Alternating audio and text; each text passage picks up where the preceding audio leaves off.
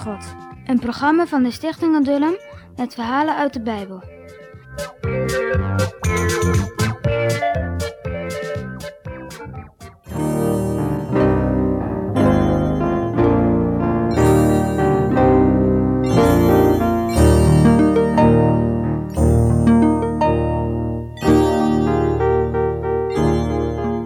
Het offer van Abraham.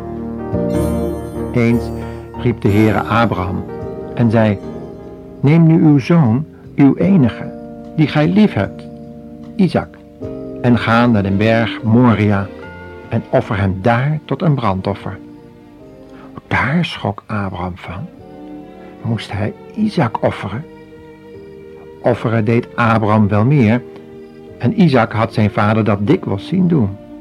Het beste lammetje uit de kudde werd dan geslacht en op het altaar gelegd. Dan stak zijn vader het hout aan en dan verbrandde het lammetje.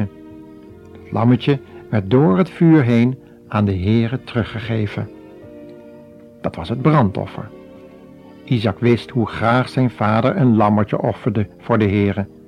Want telkens als Abraham offerde, dacht hij gelovig aan de beloofde verlosser.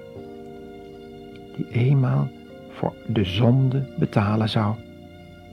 Maar nu vroeg de Heere niet een lammetje, maar zijn enige zoon, Isaac. Hoe kon dat nu? Moest hij Isaac slachten en dan verbranden? Hoe kon de Heere dat willen? Dat deden de volkeren rondom Abraham. Maar, maar zo had de Heere dat toch niet bedoeld? De Heere antwoordde echter niet. En Abraham begreep er niets van. Hij geloofde dat de Heere wel wist hoe het moest. Al was hij dan nog zo bedroefd, hij wilde toch de Heere gehoorzaam zijn. Maar de Heere had dat maar gezegd om te zien of Abraham hem werkelijk zo lief had dat hij Isaac aan de Heere wilde teruggeven. Abraham stond s morgens heel vroeg op. Hij zei niets tegen Sarah. Hij nam een paar knechten mee en een ezel die alles dragen moest. Eten voor vele dagen, hout en vuur, maar geen lammetje. Toen riep hij Isaac. Die was blij dat hij zo'n lange reis met zijn vader mee mocht maken. Ze liepen één dag, nog een dag, tot de derde dag toe. Toen waren ze bij de berg. Abraham zei tegen de knechten dat ze bij de ezel moesten blijven en wachten tot hij terugkwam. Toen klom hij met Isaac de berg op.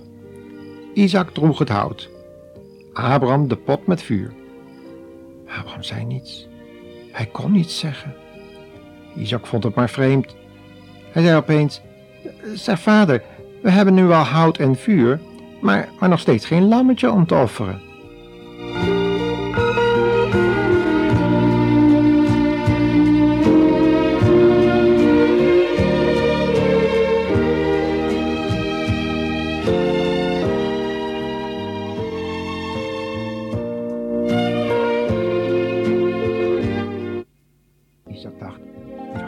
Vergeten hebben? Maar Abraham zei heel zacht, eh, Isaac, de Heere zal wel voor een offer zorgen. Meer zei hij niet. Ze liepen zwijgend verder. Maar toen ze boven op de berg geklommen waren, moest Abraham het wel zeggen. Samen zochten ze stenen om het altaar te bouwen. Abraham legde het hout erop en keek Isaac aan en zei, Isaac, mijn jongen, de Heere heeft gezegd dat jij het offer moest zijn. En toen...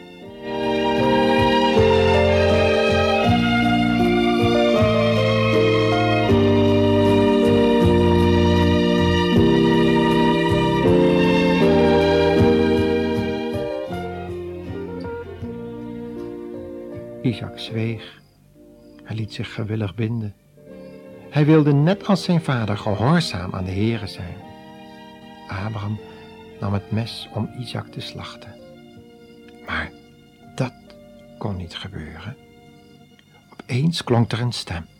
Abraham, Abraham, doe die jongen niets. Nu weet ik dat je mij boven alles lief hebt. Dadelijk maakte Abraham de touwen los. Wat waren ze blij? Toen zag Abraham ineens een mannetje schaap vastzitten in de verwarde struiken. Zijn horens, zaten daarin vast. En dat offerde hij in Isaaks plaats. Voor dat offer had de Heere gezorgd. Toen gingen ze samen weer dankbaar naar huis. Wat bleek uit deze geschiedenis? Dat Abraham en Isaac door genade de Heere lief hadden, boven alles. Weet je, er staat in de Bijbel, in de Hebreeuwse Bijbel, staat er nog iets heel moois. Als je dat in het Hebreeuws leest, dan, dan lees je eigenlijk dit. Dat de Heere gezegd heeft, mijn zoon is brandoffer, mijn zoon. En ja, dan zie je gelijk dat hier natuurlijk de Zoon van God mee wordt bedoeld. De Heer Jezus Christus. Maar Abraham heeft dat toen nog niet begrepen en Isaac ook niet. Wat is dat mooi, dat de Heere God natuurlijk geen mensenoffer vraagt van ons, maar wel zijn eigen zoon gaf. Voor jou en voor mij. Daar moet je maar veel over nadenken, kinderen. En dan volgt nu de quizvraag.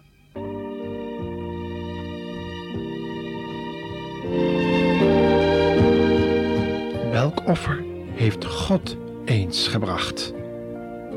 Welk offer heeft God ooit eens en voor altijd gebracht?